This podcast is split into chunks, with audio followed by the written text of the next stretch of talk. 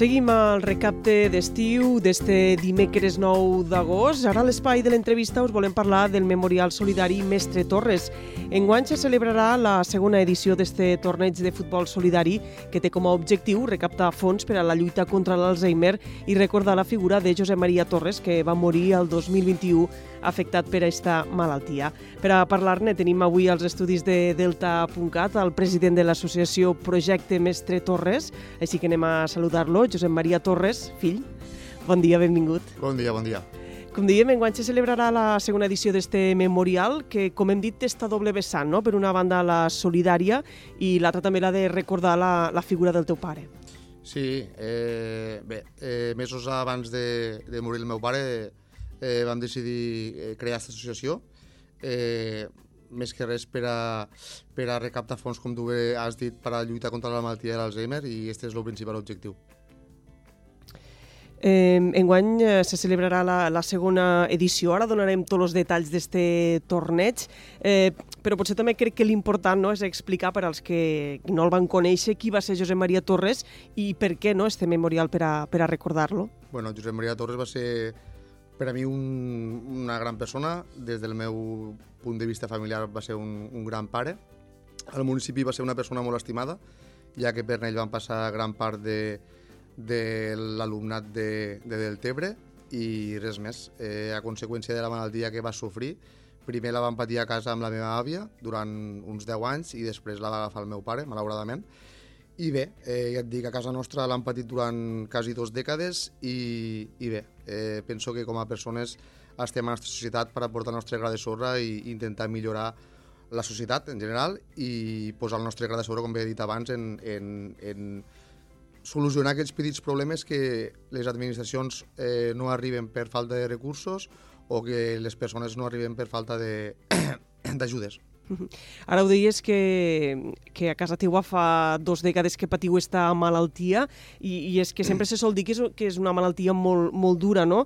Eh, també per als familiars perquè eh, hi ha la sensació que abans de que se mori el malalt, pues esta persona ja fa temps no? que, que no està com, com lo coneixíem, per dir-ho així. Així és, Alzheimer és una malaltia que eh, tots creiem que principalment la relacionem amb la pèrdua de la memòria, no? Però jo crec que les persones perden la seva raó de ser, és a dir, passen a un estat quasi, quasi vegetal, on necessiten l'ajuda la, la, d'algú o alguna persona per a, per a realitzar les seves funcions diàries i la veritat és que eh, a nivell familiar és molt dur. És molt dur perquè trobes sensacions mm, com la tristesa, la impotència, saps que algun dia arribarà eh, el seu final, però que avui en dia malauradament no hi ha cura i que això pues, te genera, com he dit abans, una sensació d'impotència bastant gran. Mm -hmm. Per això, no?, la, la voluntat d'impulsar la investigació, la, la recerca, no?, i tota la recaptació se destinarà a la Fundació Pasqual Maragall. Així és. Eh, farà dos anys, quan vam crear l'associació, ens vam posar en contacte amb la Fundació Pasqual Maragall. Eh, a casa nostra és una pionera en, perquè fa a la recerca, en la investigació sobre la malaltia i vam creure oportú des de l'associació arribar a un acord amb ells i tots els beneficis eh, que poguéssim recaptar a través de, de les donacions al memorial o les quotes de socis que, que s'estan fent a l'associació doncs, puguen anar íntegrament a la, a la recerca sobre la investigació, principalment en la fase preclínica, perquè quan eh, se diagnostica la malaltia de l'Alzheimer, aquesta ja és avançada i ja hem de saber l'origen pel qual se desenvolupa aquesta malaltia a nivell mental. Parlem ara sí d'esta vessant més esportiva i futbolística. De nou conteu amb el suport en este memorial dels dos equips locals, de la Unió Deportiva Jesús Maria i també del Club Deportiu La Cava. Enguany, però, eh, pugeu un esglaó futbolísticament parlant i heu convidat també a la Rapitenca i l'Amposta. Així és. Eh, la primera memorial vam tindre la sort també de participar en el club de futbol Ampolla i el Club Deportiu i el Club de Futbol Camarres, perdó.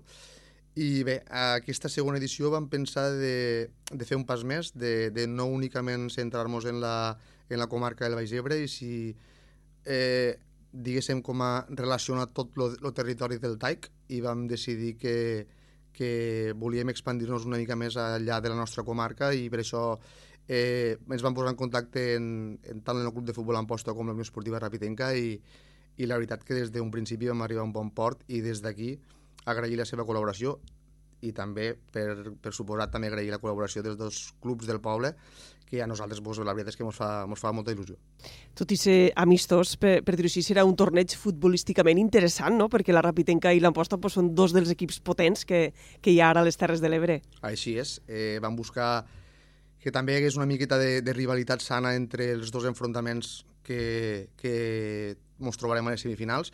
Se poden dir, parlant a nivell futbolístic, que són dos derbis de, de rivalitat i això esperem que l'espectador enganxe i que vingui al Camp Nou del Tebre a, a disfrutar d'una jornada futbolística que penso que serà de, de molts quilats.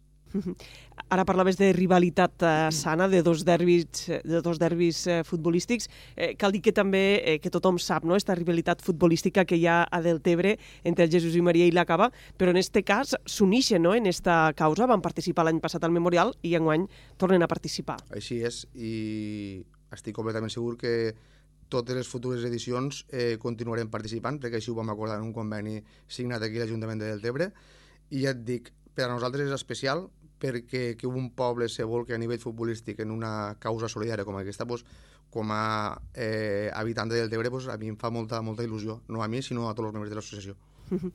eh, si parlem de rivalitat, bueno, l'any passat no? eh, crec que el va guanyar el torneig la, la cava, enguany està tot, tot més obert, no?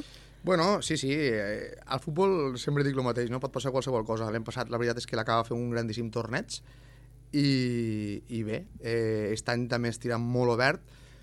Mm, hi ha un equip bastant favorit que és la Unió Esportiva Ravidenga per la categoria que ocupa, pel club, per tot, però bueno, eh, ja sabem que al futbol pot passar qualsevol cosa i esperem eh, que sigui un memorial atractiu i que hi hagin sorpreses. Mm -hmm. Perquè aquí en aquest torneig hi haurà equips de tercera, no? Federació, sí, de segona federació, catalana, la, primera catalana. Així és, tercera RF, que es diu que és la Unió Esportiva Rapidenca, la Unió Deportiva Josep Maria Segona Catalana i a tercera catalana trobarem el Club de Futbol Amposta i el Club Deportiu La Cava. Parlem una mica dels horaris. Eh, hem dit que serà el diumenge 3 de setembre.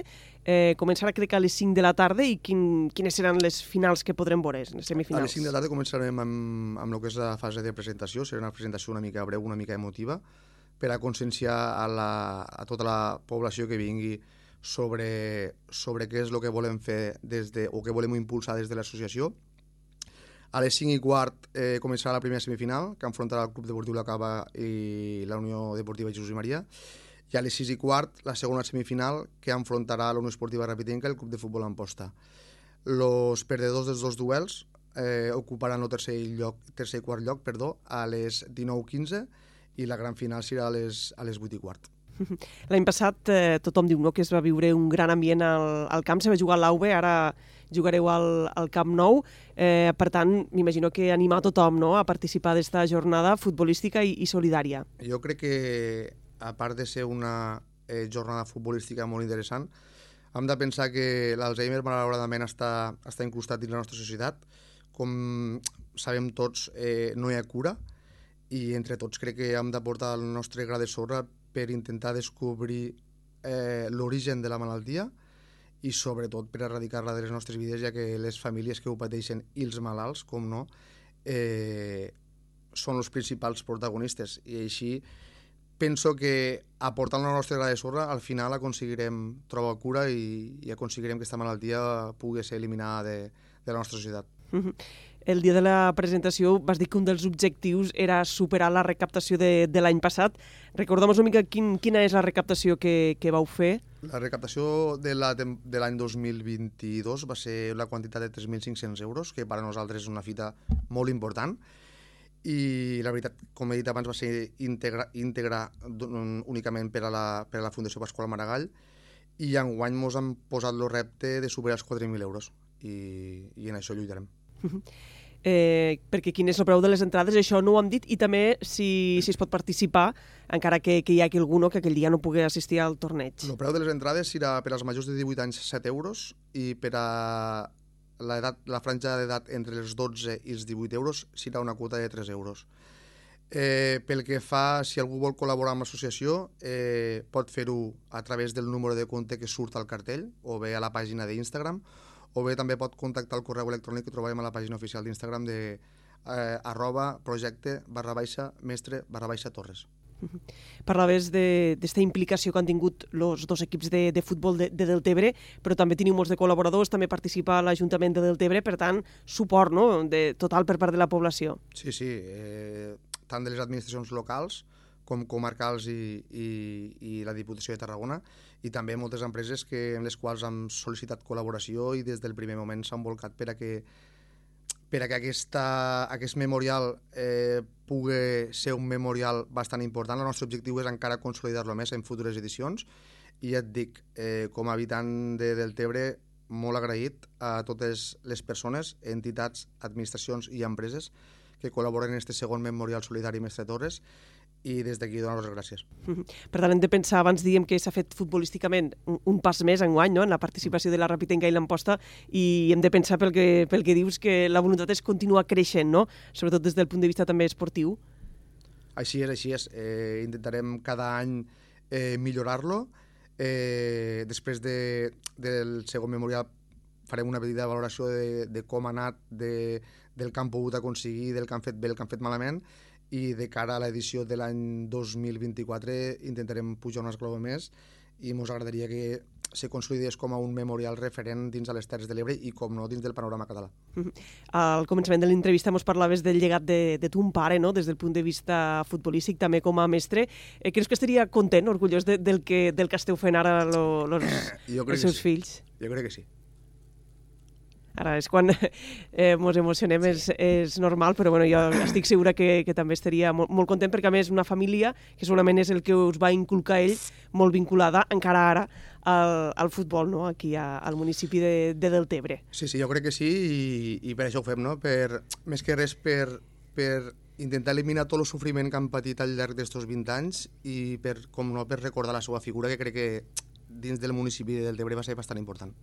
Pues recordem, eh, este diumenge, 3 de setembre, a les 5 de la tarda, se celebrarà este memorial solidari Josep Maria Torres. Encara queden moltes setmanes, així que ens podem ficar esta data a l'agenda i no posar-nos res aquell dia i, i sobretot participar d'este memorial solidari. Josep Maria Torres, moltíssimes gràcies per haver estat al programa. Gràcies a vosaltres per la invitació.